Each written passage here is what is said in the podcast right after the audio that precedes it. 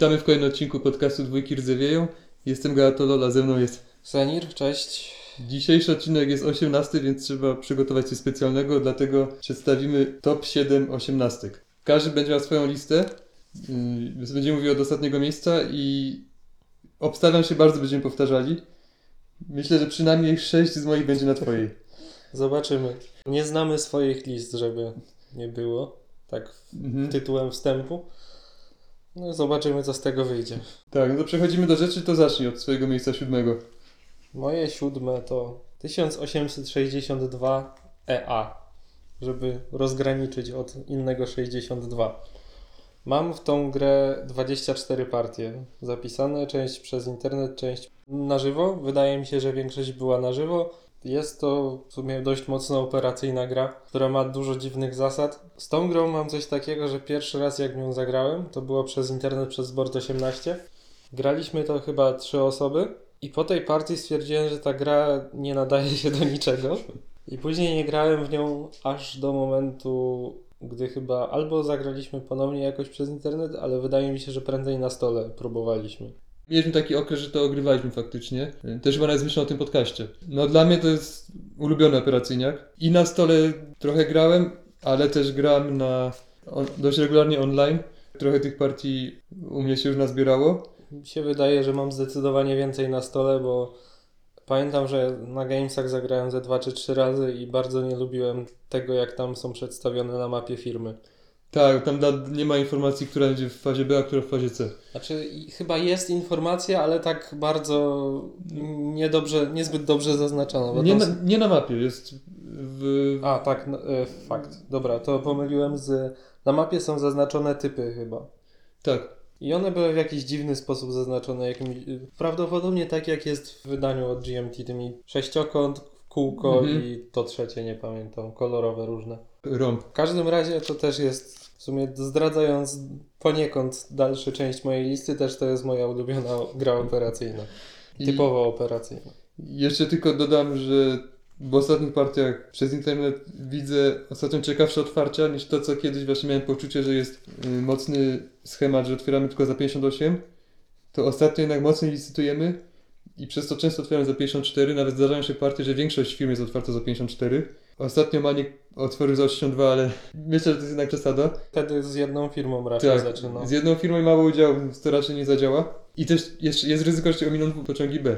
No jak wszyscy niżej otworzą, to... to To ty A najpierw raczej- dostajesz A, a potem zostanie ci 1B, albo już C będą. tak. Jest takie ryzyko. Z A wydaje mi się, że w 99% partii, może, może mniej, ale tak w 90% to pociągi A schodziły, za, praktycznie zawsze dochodziliśmy do B w pierwszym OR-ze.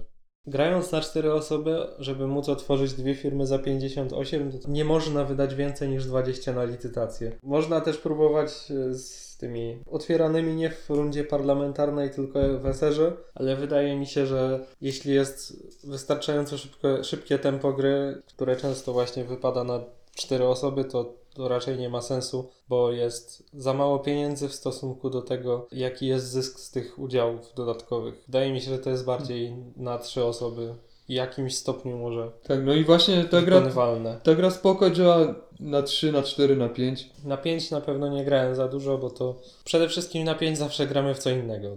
No, ko kozieło na przykład też nie lubi na 5. Moim zdaniem jest spoko, bo, bo jako, że się otworzy raczej jedną firmę, czy nawet na pewno jedną firmę, to, to licytacje mogą być trochę ciekawsze, bo możemy więcej kasy rzucić.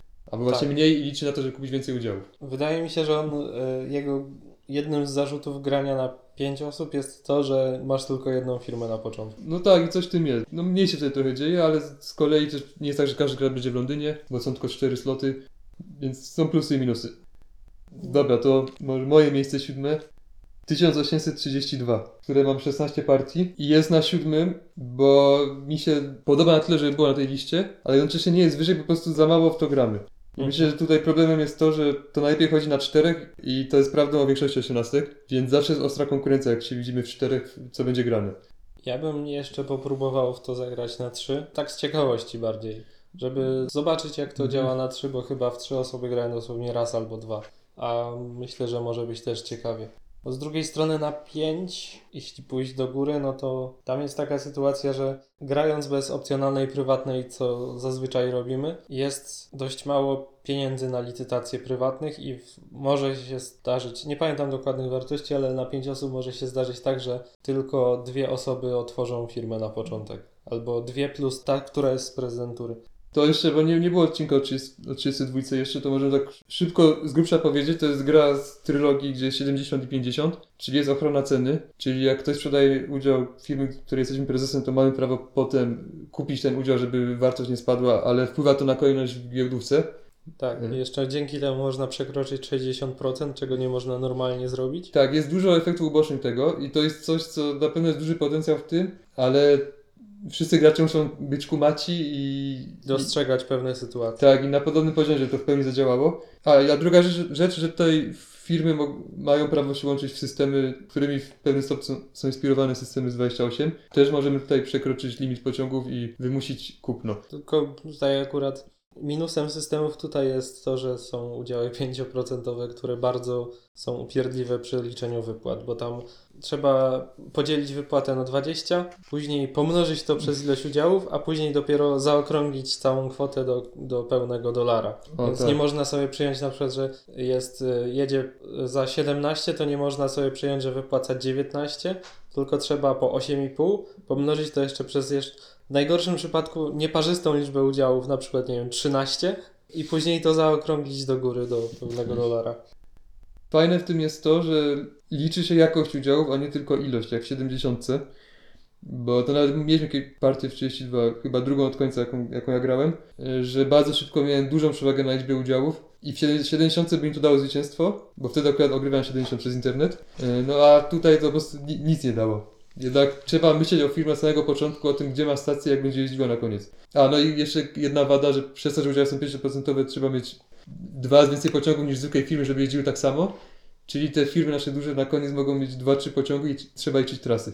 Tak, to jest straszne. Szczególnie, że permanentne pociągi zaczynają się od szóstek, a później są przeskoki co dwa. 6, 8, 10, 12. Więc to jest też ciężkie do przeliczenia i czasami wychodzi tak, że komuś pociągi zardzewiały, bo na przykład miał, nie wiem, 4 i 6 i ta czwórka mu zardzewiała, musi policzyć raz trasę na szóstkę, bo się szykuje i tak do kupna kolejnego pociągu i znowu to później będzie musiał przeliczyć. Mhm. Tutaj jest też tak no dość ważny aspekt operacyjny i aspekt dobrego planowania torów od samego początku. Nie chodzi mi tu o operacyjne jakieś mikrooptymalizacje, ale że o zapewnienie sobie trasy na... Tak, tak, jest, jest dobry balans między zdrową operacyjnością a giełdowością. Ma, można jednak poczuć, że jest większy potencjał w tej grze niż to, co póki co widzimy. Tak. Myślę, że tam jest trochę do odkrycia jeszcze czeka. Jednym z jakby nieeksplorowanych aspektów tej gry jak na razie są te przejęcia firm, że jedna firma kupuje drugi, drugą. bo dzięki temu w zasadzie no, dostajemy zwrot pieniędzy za te, za te jak, jakieś tam inne udziały i przejmujemy stację na mapie, co jest potrzebne do, do tych końcowych tras. Tylko za to tracimy bardzo ważną cechę systemu, która pozwala nam pociągi wymuszać. A tutaj, no, w takim przypadku, jak przejmę jedną firmą drugą firmę, to później muszę albo dołożyć z innej firmy pociąg, albo liczyć się, że raz ta firma nie wypłaci. No i jest jeszcze jedna rzecz, która jest. Y, podobną cechę ma 17. Tam niby różni ludzie próbowali na, strategii na to, żeby dwuudziałową firmę dociągnąć do końca, do końca gry, żeby mieć pełne wypłaty z nich. Ale jakby za to tracą wartość giełdową na tych udziałach, no bo mam wprawdzie dwa udziały, ale one są.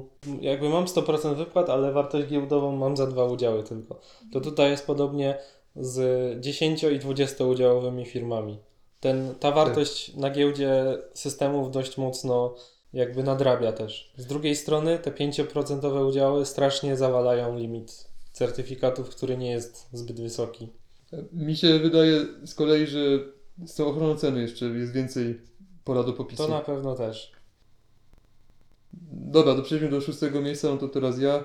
To u mnie jest to 1841, szczególnie wersja light, którą zagrałem 30 razy i nie jest wyżej, mimo że dla wielu zapańców szmaskowych to jest ulubiona gra wręcz, bo też mam wrażenie, że to nie odkryliśmy jeszcze pełni potencjału, podobnym schematem zazwyczaj gramy, ale też, też to, że ostatnie partie, jakie miałem, albo się cechują szybkim bankrutem, po którym właściwie zwijamy grę, no bo to często premiuje pierwszego gracza, który po prostu sobie przejął firmę, która ma perma, y, jest dostępna po prostu tak o. Albo jest też często tak, że pewnie przez, przez różnicę w doświadczeniu graczy, bo na przykład na konwencie się gra, że ktoś z mocnym startem i zdarza się, że to jestem ja, odjeżdża po prostu innym i, i to, no to, nie jest, to nie są ciekawe rozgrywki. Właśnie o 41 słyszałem dużo, dużo opinii o jakichś szalonych partiach, których ludzie powrac- bankrutowali, powracali z tym kredytem, bankrutowali ponownie, powracali z tym kredytem i jeszcze tam powiedzmy może nawet nie, że wygrali, ale nie wiem, albo byli na skraju wygranej, albo takie mocne drugie miejsce było. Ja na razie nie jestem w stanie sobie takich partii wyobrazić. To mam wrażenie, że może być taki osiemnastkowy święty gral, do którego się dąży, ale jest zawsze trochę za daleko. Z ostatnich partii najbardziej mi się podobała trzyosobowa Light właśnie, gdzie grały trzy osoby ju- już znające dość dobrze grę i które grały nieco wcześniej, tam powiedzmy tydzień wcześniej też, też graliśmy, no to ta partia była faktycznie taka wyrównana i każdy się liczył. Więc to, to była spoko partia, ale te partie z konwentu na przykład, to fajnie mi się gra, ale nie powiem, żeby to był jakiś top. Widać różnicę doświadczenia przede wszystkim i to. Tak, i, i, i ta cecha tej gry, że są dwie firmy startowe, które są po prostu lepsze od innych. Do tego stopnia, że, że można zapłacić kilkukrotnie więcej za koncesję niebieskiej niż za koncesję dajnotu różowej i tak na tym dobrze wyjść. I mam wrażenie właśnie, że ci nowsi gracze mniej o co licytują, oni przez to zostają ze słabymi firmami, a jeszcze gorzej znają grę, więc to się tak, jest taka sp- spirala po prostu w dół. W pełnej wersji, pełna wersja od Lighta się różni jeszcze tym, że jest jakby dołożony kawałek mapy i jest dołożony, tam jest kilka firm, które w, przy czwórkach jest tak zwana to, toskańska fuzja chyba. Tak i jeśli się nie jest bardzo uważnym, to w tym momencie można przegrać grę, bo w wyniku połączenia tych wszystkich, tam są dwie pięcioudziałowe spółki i jedna dziesięcio, te dwie pięcio łączą się w jedną dziesięcio i później ta ta stara dziesięcioudziałowa z tą tymczasową się łączą w, znowu w dziesięcioudziałową. No i ktoś może tam mocno wtopić, bo nagle zostanie bez prezydentury jedynej firmy. Ogólnie to fuz, y, zasady tej toskańskiej fuzji to są jedne z naj... i ogólnie fuzji w tej grze to są jedne z najbardziej niedopracowanych fragmentów zasad, które czytałem, bo można je interpretować na różne sposoby i z tego co widziałem w internecie to różne grupy grają praktycznie w różny sposób. To jeszcze tak, bo należy odpowiedzieć tytułem wstępu, bo nie mówiliśmy o tej grze wcześniej, to jest gra, w której firmy mogą otwierać firmy.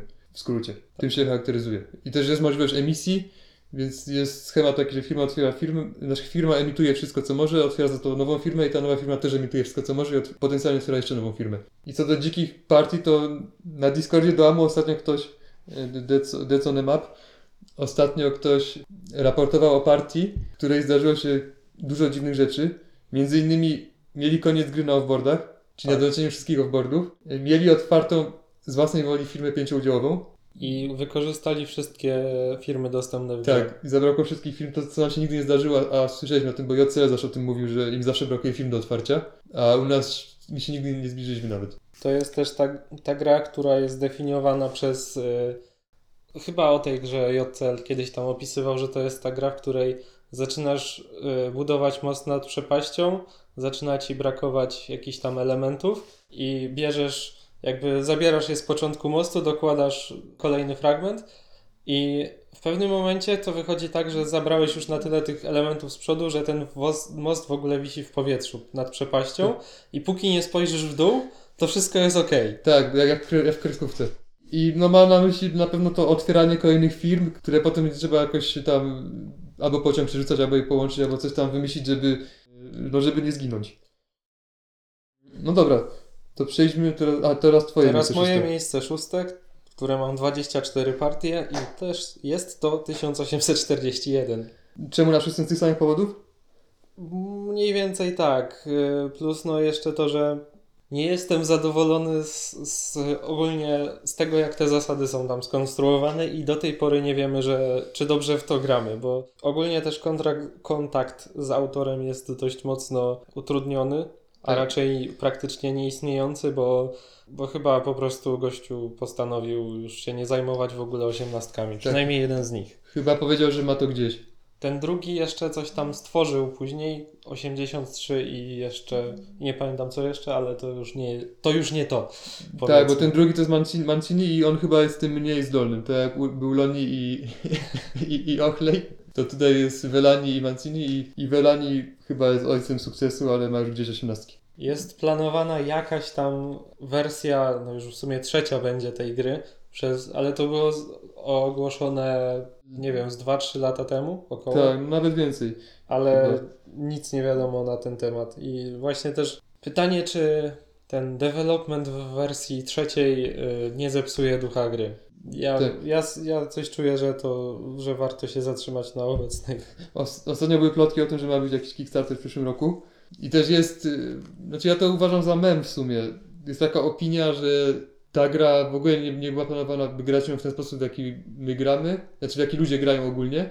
Ale moim zdaniem to już jest trochę takie na, naciągane, że tam są, nie, są nieścisłości, ale nie są aż tak duże. Wiadomo, że jak masz taką potężną możliwość emisji, to będziesz z tego korzystał, no bo na tym polega To jest drukowanie pieniędzy. No na tym polegają gry ekonomiczne. Czy w ogóle, no, mo możesz się nachapać, to się nachapiesz. Dobra, to jakie jest twoje miejsce piąte? Również wspominana gra 1832, o 22 partie mam w nią. Trochę wyżej niż u Ciebie, bo właśnie Bo więcej grałeś. Więcej grałem, ale też wydaje mi się, że ten potencjał też jest niewykorzystany przez nas. Tak jak mówiłeś, ochrona ceny i przejęcia i pewnie też inne detale o tym mogą trochę przesądzić. Plus y, nie jestem, bo tam jest taka prywatna, która nazywa się Southern Bank. Mhm. Ona jest y, jakby w części zasad opcjonalnych i ona w zasadzie pozwala pożyczyć swojej firmie pieniądze pod zastaw, tylko że właśnie zasady do tego zastawu nie są, nie są zbyt dobrze opisane w instrukcji. Bo tam można pożyczyć w zastaw stację lub pociąg, ale nie jest dokładnie, nie, nie pamiętam detali do, za bardzo, ale tam były jakieś niejasności co do tego, jak to ma być, nie wiem, oznaczone. Czy ta stacja, na przykład jak daje stację, to to jest ta stacja za 40, czy ta stacja za 100? Bo tam ważne jest to, że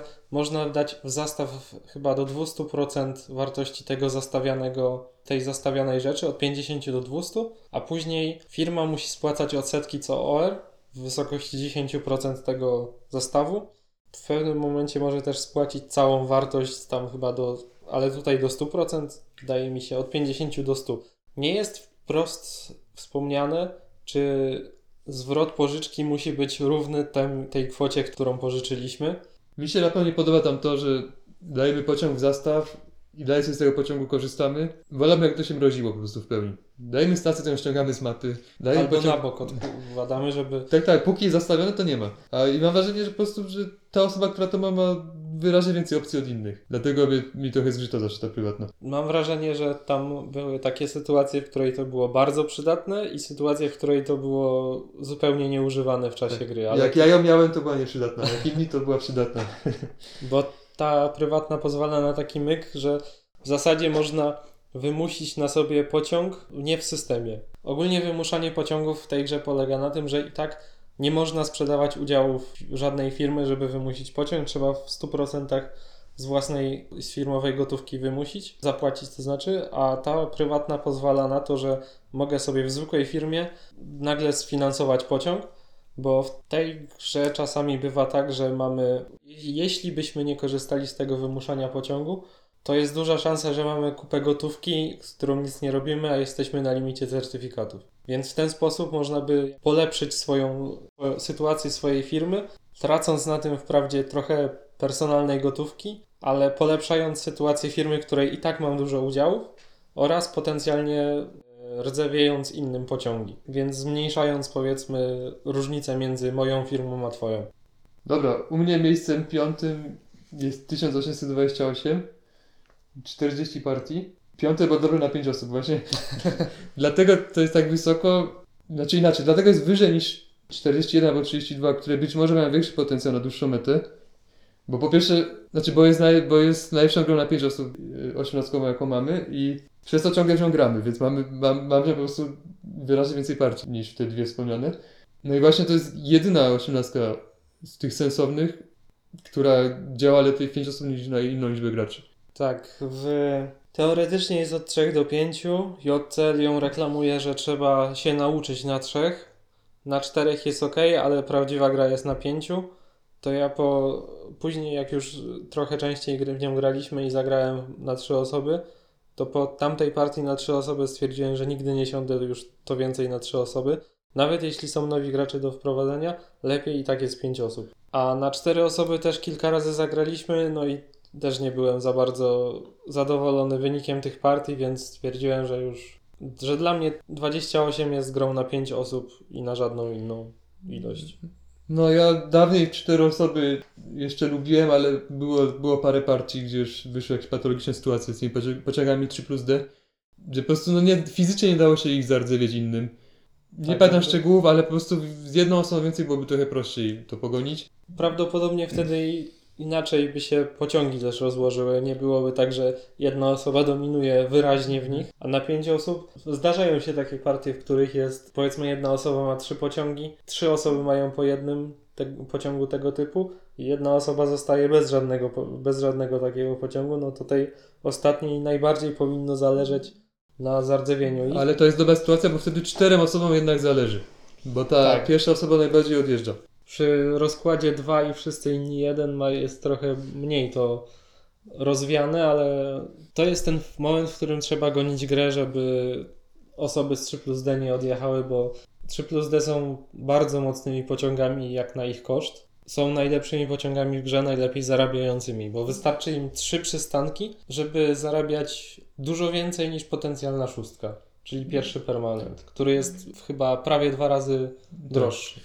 I pamiętam partię, gdzie Krzysiek Kozieło się po prostu poświęcił, żeby te 3 plus D zginęły. Wtedy było mi to na rękę, bo, y, bo ja ich nie miałem, a, a miałem wczesne permy i jeśli dobrze pamiętam, to udało mi się dzięki, dzięki temu wygrać, ale on się po prostu poświęcił. I to nie było spoko. To jest coś jak w Irlandii. Że ktoś musi wziąć na siebie otwarcie słabej firmy, która go pociągnie na dno, żeby odblokować grę innym. Ale na szczęście w ostatnich partiach już nie było takiej sytuacji, że ktoś po prostu poświęca, więc y, nie jest tak, że gra jest zepsuta. Regularnie w nią gramy, bo po prostu brakuje alternatyw na pięciu. Okej, to co jest twoim miejscem piątym? Ty, moim czwartym. A, czwarty. 1828. 36 partii mam. No, głównie dlatego, że dużo w to gramy, lubię tą grę. Jest bardzo dobrą grą na 5 osób. Prawdopodobnie najlepszą. Jeśli chodzi o grę na 5 osób, no to to jest raczej pierwszy wybór nasz. Mhm. Jeszcze można, w sumie przy 32 też chciałem o tym wspomnieć, ale w końcu zapomniałem. Tutaj też się tak czasami może zdarzyć. Mówię o tym, że może się opłacić zabieranie komuś firmy, którą porzucił. E, Jeśli ma pociągi, które nie zardzewieją od razu, to można na przykład zacząć albo je albo wstrzymywać, to są dwie opcje, albo po prostu wstrzymywać, żeby nazbierać kasy, albo jest duża szansa, że jeśli ona została zrzuc- jeśli była zrzucana przez innych graczy, a później jeszcze porzucona przez prezesa, skończy w szarej strefie, która jest tutaj dość korzystna. Są po prostu dodatkowe skoki na koniec giełdówki za to, że jest wyprzedana y, i że prezes ma powyżej 80 lub więcej procent. Także można w ten sposób zdobyć mnóstwo udziałów tanio. Jeśli dobrze się to rozegra, to to może być też y, dość kluczowe do wygranej, bo ważnym aspektem tej gry jest to, że nie ma w niej limitu certyfikatów. I to też premiuje takie zagrania typu podbieranie trupa i wyku- wykupywanie dużej ilości udziałów w niej. To u mnie na czwartym miejscu jest wspomniane już 1862, y, 66 partii i przejdę od do trzeciego. To na trzecim miejscu jest. Tutaj już miałem duży dylemat. Wiedziałem co będzie czwarte, ciężko było mi ocenić co powinno być piąte i ciężko było mi ocenić kolejność pierwszych trzech. No to na trzecim miejscu ostatecznie dałem 1830. 68 partii. Jest to gra, która mogłaby walczyć o pierwsze miejsce, ale jest na trzecim dlatego, że mam wrażenie, że po prostu w naszej grupie zatrzymaliśmy się na pewnym poziomie rozwoju 30 i już nie idziemy dalej. Przez co te partie mi się generalnie podobają zawsze, ale no ale są trochę, trochę już zbliżone do siebie i przez to też yy, raczej nie jest tak, że wszyscy chcieliby to ciągle ogrywać. Mimo, że ja nie byłbym przeciw na przykład na 5 osób mógłbym grać 30 też, nie tylko 28. Ale do 28 wszystkich ciągnie, a do 30 już trochę mniej. No i właśnie mam poczucie, że, że tam jest jeszcze więcej grania takiego na dużej rozkminie, ale to wymagałoby tego samego poziomu zaangażowania, skupienia, y, umiejętności i uważności w danej chwili, żeby, żeby to faktycznie przyniosło rezultaty. Żeby nie grać też ciągle na automacie i tymi samymi schematami. Tak, no bo właśnie mam wrażenie, że trochę wpadł już w schematy w 30. Natomiast minusem tego grania na, więcej, na większej rozkminie, no jest to, że te partie byłyby dłuższe, a my już w 30 jesteśmy w stanie w 2,5 godziny zagrać i to jest bardzo spoko. A z tego, co mówią koksy 30 w, internetach, to że to, to nie jest taka krótka gra, bo oni już wchodzą w wyższy poziom gęstości i no będą mieli żonglowanie udziałami, żeby ustalić kolejność prze, przez godzinę, nie? Tam wbrew pozorom jest bardzo dużo gry do odkrycia według mnie. Mimo, że to jest najbardziej klasyczna i najbardziej praktycznie podstawowa osiemnastka, to tam widać, że można dużo, dużo osiągnąć. Tak, zresztą jak, była, jak były te rozgrywki ligowe przez internet, tam ta najwyższa dywizja, z tego co wiem, to tam faktycznie byli sami mocarze, to tam wychodziło, że się gra na brązową strefę, albo się gra na dwa diesle i się przedłuża grę, żeby tymi dieslami popylać I- to z jednej strony super, bo jest coś, czego my zupełnie nie mamy, ale z drugiej strony nie wiem, czy chciałbym grać late game 30, żeby trwał dwie godziny, żeby ktoś sobie mógł kupić kolejnego diesla i na tym odjechać. Niby fajne, ale z drugiej strony, no mnie raczej late game 30 nie jara. Ostatnio też nie gramy za bardzo, za dużo na, na stole, ponieważ e, zazwyczaj no, są inne propozycje na dany skład osobowy. Ja bym z chęcią grał częściej, ale nie wiem jak inni, to jest główna przeszkoda. No właśnie ostatnio zagrałem, jak grałem w Krakowie w 30, albo przedostatni, e, nie licząc konwentu, to i Elros, i, i Kirasier trochę tak narzekali, że no, że powtarzalne, więc już od tego czasu nie proponuję nawet za bardzo, a, a też bym chętnie grał, tak powiedzmy, raz na pięć spotkań, czemu nie? Ale wciąż uważam, że to jest najlepsza gra 30 podobna. Najlepszym klonem 30 jest 30. Tak, to jest właśnie, to jest niesamowite, to jest pierwsza gra z tej gałęzi, na dobrą sprawę pierwsza osiemnastka taka prawdziwa i ciągle jest najlepsza. Jest multum klonów, znaczy dobra, mam na myśli teraz klony takie bardzo zbliżone. Takie, nie mam na myśli y, takie, co dodają jakiś nowy chrom, tylko po prostu, że jest inna mapa i, inne prywatne. Bo jest takich klonów i one wszystkie są gorsze. Wydawałoby się, że już to, co było trudne, już jest zrobione i możesz y, coś, coś poprawić, a w sumie pogarszają. 30 Tak. ma najlepszą mapę, jest. Dobra, poza tym, że tam dużej części się nie używa, to jest to mapa, gdzie jest wyraźna oś, po której wszyscy chcieliby jeździć, ale będą mogły jeździć tylko dwie firmy. Jest to najbogatsze miasto, wokół którego to jak się postawią wioski, to jak się postawi OO ma znaczenie, kto będzie miał dostęp, jest, jest walka o te miejsca, więc jest to mapa, której można się łatwo nauczyć i w dużej mierze będzie powtarzalna, ale tam jest kilka heksów, które, które inaczej ułożone kafelki na nich po prostu może zupełnie zmienić to, kto Tak. ma gdzie dostęp. Jest kilka kluczowych heksów i dużo osób z tego, co mi się wydaje, zarzuca tej grze powtarzalność. Powtarzalność w torach, powtarzalność w w firmach, które otwieramy, ale co do tej powtarzalności w torach, to mam wrażenie, że to są osoby, które nie widzą tych małych, kluczowych detali, które mogą zmienić dość sporo. Okej, to co jest u Ciebie na trzecim miejscu? Moje miejsce trzecie to 1871, 22 rozgrywki. Czyli E, The Old Prince, żeby nie było, tak. bo to też pod tą nazwą funkcjonuje. Jest to najnowsza gra na mojej liście.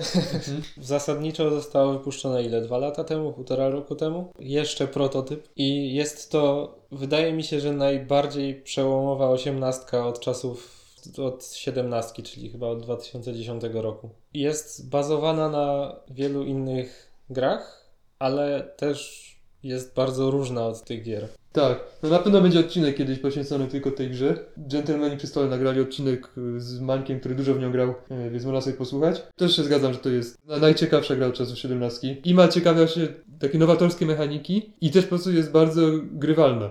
Jedną z może mało dostrzega, nie wiem jak inni to postrzegają, ale wydaje mi się, że jedną z jakby mało, mniej jakby rozpoznawalnych cech jest to, że te pozycje graczy są bardzo mocno związane ze sobą od samego początku. Nie ma tak, że ta firma jest jakby moja, tylko niby jestem prezesem tej firmy, ale wszyscy, dużo inni gracze korzystają na tym, przez to, że jest te, te udziały mainline'a rozdystrybuowane w początkowej licy- licytacji. Udziały Payra są też rozdzielane. Różnie się to zdarzy, bo to, ta licytacja to też jest gra w grze w sumie. Jak rozegrać, żeby było dobrze dla mnie, jak rozegrać, żeby po pierwsze jakiś dobry start mieć, co też będzie, jak to wpłynie na, dalszy, na dalszą grę. I jest to według mnie gra bardzo nieoczywista, w której jest też dużo rzeczy do odkrywania. Na przykład u nas Na początku był dominujący dość mocno Union Bank, a później wyszło na to, że po pograniu przez internet, między innymi z Bańkiem i z innymi, wyszło na to, że u nich jest dominujący Payer. Tak, a my A nas- nienawidziliśmy. A u nas Payer to było już spisany na straty. To ostatnie ścierwo, powiedzmy. Było tak, że często celowo otwieraliśmy, rozdzielaliśmy firmy, żeby ktoś miał dużo udziałów Payera, które będą mu wadzić w limicie certyfikatów. Przez to będzie miał kilka martwych udziałów praktycznie, jeśli nie włoży do nich y, perma, który raczej sfinansuje przez inną firmę, czyli praktycznie z kieszeni. Później wyszło na to, że otwieraliśmy, kilka było partii, w których otwieraliśmy na siłę te payrowe firmy, żeby e, po prostu zlikwidować te wszystkie payrowe udziały. Żeby payer nie miał szansy bycia mocnym. W tej grze jest super aukcja, potem jest super początek, gdzie jest mało film, w które można inwestować, więc rzeczy jesteśmy powiązani, ale jednocześnie to nie jest takie tempe inwestowanie w cudze, bo trzeba ciągle myśleć właśnie e, o ryzyku zrzucenia, o, o tym, czy będziemy mieli szansę otworzyć sobie sami firmę, o priorytecie, bo tylko jedna osoba otworzy firmę w kolejnym eserze, przez to, że są te transze firm. Ciągle trzeba się mieć na baczności. Nie lubię tego cytatu, no ale to można tak powiedzieć o tej grze też, że tutaj akcja jest od samego początku, bo to nie jest tak, że w innych grach nie ma akcji od samego początku, ale tutaj już jest to w pełni odczuwalne. I trwa Może powoli się rozkręca, i, ale I trwa do samego końca. Tutaj nawet w ostatnim zestawie OR-ów może się zmienić lider. Do tego też na, na mapie jest walka o tory i o stacje. No, no ten Pair wspomniany, czyli firma, która po prostu się kurczy w ciągu gry, to też jest bardzo ciekawe to jest i rzadko spotykane. takie odwrócenie sytuacji z, z tradycyjnej firmy państwowej. Zazwyczaj jest tak, że zazwyczaj firmy państwowe w grach powstają powiedzmy w jakiejś tam fazie, gdzie są wchłaniają jakieś konkretne, nie wiem, minory albo coś takiego, albo powiedzmy firmy bez pociągów, coś, coś w tym stylu, przejmują ich stacje, no i wtedy są, wtedy się roz, rozszerzają na całej mapie, rozbudowują i tak dalej. A tutaj jest odwrotnie. Ona zaczyna w wielu miejscach, a później zaczyna się kurczyć. Ale to nie znaczy, że jest coraz słabsza, bo jak się dobrze zadba o takiego payera, do, ma dobry zakątek, to potrafi też przynosić Tak. dobry dochód. A na koniec gry wszystko idzie w pełni do kieszeni. Jest też Union Bank wspomniany, czyli prywatna, która umożliwia nam w pewien sposób przekraczanie limitu udziałów i ten gracz oczywiście korzysta na tym, żeby gra szła wolniej. To z kolei inni korzystają na tym, żeby ją przyspieszać. I no i to jest, no jest super. Wydaje mi się, że bez tej prywatnej ta gra nie byłaby tą grą, bo ona, ta prywatna bardzo mocno definiuje w jaki sposób powinno się grać. Tak, tak, ona wymusza właśnie to gonienie pociągu, bo w tej grze jest też ciągłe gonienie pociągów, także przez to, że po prostu jest tu dwa razy więcej pociągów niż w przeciętnej 18. Jest ich mniej, na, mniej każdego typu, ale jest więcej typów. Na początku jest taki w sumie lajcik z tymi z początkowymi pociągami, one tam sobie jeżdżą kilka razy zanim pordzewieją, a później jak już zacznie się rdzewienie, to nie przestaje, nie przestaje rdzewieć do końca gry. Najlepsze jest raczej we trzech, przynajmniej dla mnie jest najlepsze we trzech, bo w tej grze jest dość, jest mniej kontroli niż y, w większości i na czterech już jest bardziej odczuwalne. Poza tym na trzech jest też tak, że, że są te różne pozycje. Ktoś jest Union Bankiem, ktoś jest Payrem, ktoś jest Mainlinem na przykład. Na czterech Shortline to już nie to samo co Mainline zazwyczaj. Tak, jestem pod wielkim wrażeniem tej gry. Niezwykle nowatorska. Krzyczy z niej po prostu świeżość, świeżość. Rzekomo, znaczy w sumie nie rzekomo, bo, bo to było już raz, nie powiem, że opublikowane, ale dostępne do zagrania powiedzmy. Jakaś nowa, autor powiedział, że pracuje nad nową mapą do 71 i przyniósł ją na jeden konwent w Ameryce. W sumie widziałem zdjęcia z tego konwentu, ale bardziej się spodziewałem, że to będzie jakaś mapa powiedzmy bardziej dostosowana do, na czterech graczy, żeby coś tam zmienić powiedzmy w tej grze na cztery osoby, ale właśnie poszło to w drugą stronę, bo jest dużo mniejsza niż, niż ta oryginalna. Może nie, nie jest taka wydłużona, ale jest bardziej chyba skupiona. Taka bardziej foremna. Tak. No, jest- Na oko wygląda mniej ciekawie. To chyba miała być wys...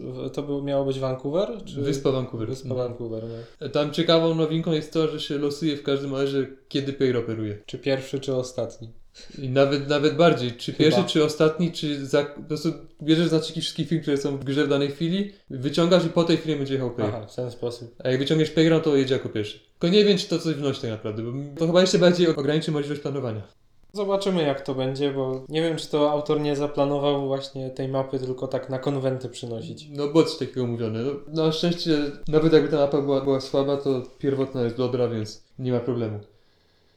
Okej, to, to teraz... Y... Dobra, to twoje miejsce Moje drugie. drugie. Moje drugie składa się z tych samych cyferek co miejsce trzecie, bo jest to 1817 Mam w nią 24 partie, plus mam jeszcze zapisanych 12 w 17 NA, czyli powiedzmy dodatek, który zmienia mapę. Y, Na razie może o podstawowej wersji. Jest to powszechnie uznawana za najbardziej finansową osiemnastkę ze wszystkich. Ze względu na ilość różnych możliwości finansowych, które gra oferuje.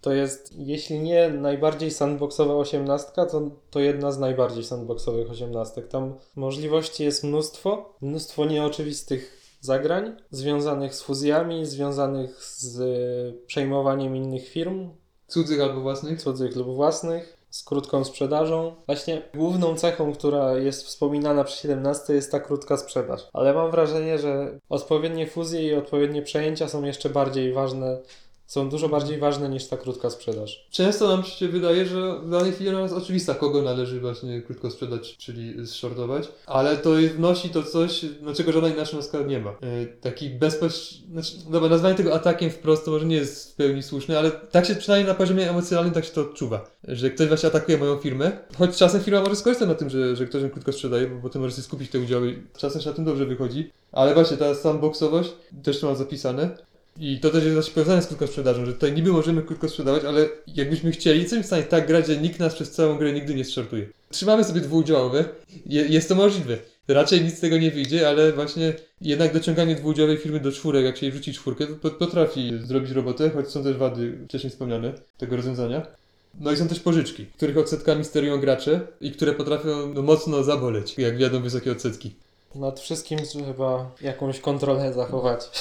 Niestety no jest wielki problem tej gry, mianowicie czas rozgrywki. Czasami schodzimy do 6 godzin, ale mam wrażenie, że to są te, te nudniejsze partie. No jak się dzieje, to jest to bardziej 7-7,5. Nie jest tak, że to cię czuje, że coś jakoś strasznie dłużej w ciągu partii, no ale jednak przez to nie można sobie zagrać spokojnie. Wieczorem. Tak jak właściwie w Na grę z tej listy możemy zagrać w tygodniu. A w to trzeba raczej zakładać, że zejdzie pół dnia. No i gdyby nie ten długi czas rozgrywki, to byłoby pewnie spokojnie na pierwszym miejscu u mnie, no ale jest na drugim tak jak u ciebie.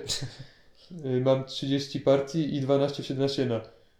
No ENA to jest, zasady są te same, tylko z mniej pociągów, mniejsza mapa. Zrobimy jakiś odcinek pewnie o 17, to wtedy o tym powiemy więcej. Ja wolę zwykłą 17 od ENA, bo można by powiedzieć, że to zostało tak trochę w cudzysłowie leniwie obcięta część 17, bo tam jest zasadniczo wszystko przeskalowane o około 1 piątą. Są cztery pożyczki, cztery wiersz. pożycz, pożyczki na wiersz. Jest około 1 czwartej, 1 piątej pociągów z każdej rangi uciętych. No i dużo bardziej skumulowana mapa, w której dużo łatwiej jeździć po miastach y, B oraz do Nowego Jorku. Przez co cały ten misternie skonstruowany balans finansowy z 17 został tak trochę kopnięty i tak się chwieje dość mocno jak dla mnie czasami. A jednocześnie nie jest tak, że ENA jest na, na tyle krótkie, żeby sobie to zagrać tak spokojnie w 3 godziny. No taka dałoby się pewnie wieczorem, ale to też będzie dłuższa partia. Jak na to, że ta gra jest znana jako właśnie ta najbardziej finansowa 18, to tutaj jest bardzo ważny aspekt dbania o swoją firmę. Są jakby też różne podejścia. Można próbować wyżyłować z tej firmy wszystko, co się da, brać na maksa odsetek, tylko żeby, żeby jak najwięcej zarobić, żeby mieć najwięcej pieniędzy na inwestycje. Tylko, że nie można jakby przegiąć z tym. Nie można. Trzeba mieć jakiś plan ucieczki z tego, z takiej, z takiej sytuacji. Nie można po prostu wyrzucić tej firmy do kosza. Jak ona ma maksymalną ilość pożyczek wziętych i odsetki są bardzo wysokie, w pewnym momencie albo trzeba jakoś, nie wiem, odratować tą firmę za pomocą czas, często ofiarując jakąś inną, albo przyjąć to na siebie, i, ale wtedy trzeba z własnej kieszeni spłacać te pożyczki. Ważny jest zarówno początek, jakby jak dobrze nam pójdzie zarabianie tej kasy na początek, jak i też często są ważne te trasy na, na koniec gry. To nie jest tak, że je się jakoś bardzo łatwo zdobędzie, tam, e, kto by tam na mapę patrzył na grze, w grze finansowej, kto by się tym przejmował. Tam właśnie trzeba też zwrócić na to uwagę, głównie za pomocą tych fuzji i przejęć, żeby zdobywać nowe stacje. Tak, żeby Żeby one były trasy. połączone. Tak. Także no tutaj jest bardzo dużo, bardzo dużo gry do odkrycia i podejrzewam, że prędko mi się nie znudzi. No to teraz miejsca pierwsze, to u mnie jest to wspomniane 71, 47 partii. No wyskoczyła na pierwsze miejsce, mimo że taka świeżynka. I mimo, że gram tylko w trzy osoby, ale właśnie ciągle w to praktycznie gram przez internet. Zawsze jestem chętny do zagrania na stole. Wymieniliśmy szereg zalet. To powiązane właśnie z dość przystępnym czasem gry. bo zawsze nam się udaje w, w 3, najwyżej w 4 godziny to skończyć, no sprawia, że, że zasługuje na pierwsze miejsce. Za to u Ciebie będzie...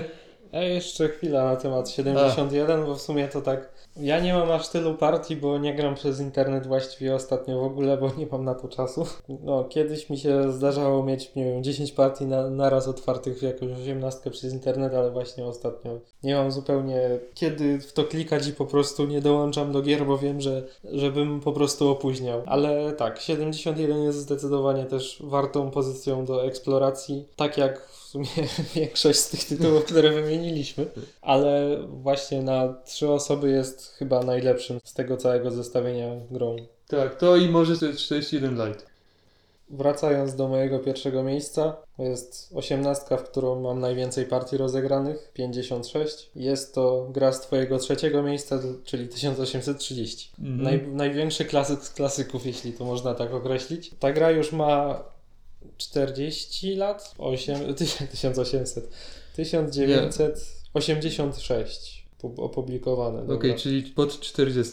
Pod 40. No jak na 40-latka to się bardzo dobrze trzyma. Jest to druga osiemnastka, która kiedykolwiek powstała. Ona była dewelopowana przez wydawnictwo Avalon Hill, które do tej pory było znane z gier wojennych. I poniekąd widać, że to było dewelopowane przez jakichś wojenników, no bo tam jest mnóstwo rzeczy, na które, na które można się przypadkiem nadziać. Tam nie ma żadnej, żadnych, nie wiem, zaworów bezpieczeństwa, nie ma nic takiego. Czasami po prostu jak popełnisz błąd, no to, to sorry już. Wielkich szans nie masz. Na przykład jak ci ktoś zrzuci firmę z pociągami, które zaraz zardzewieją.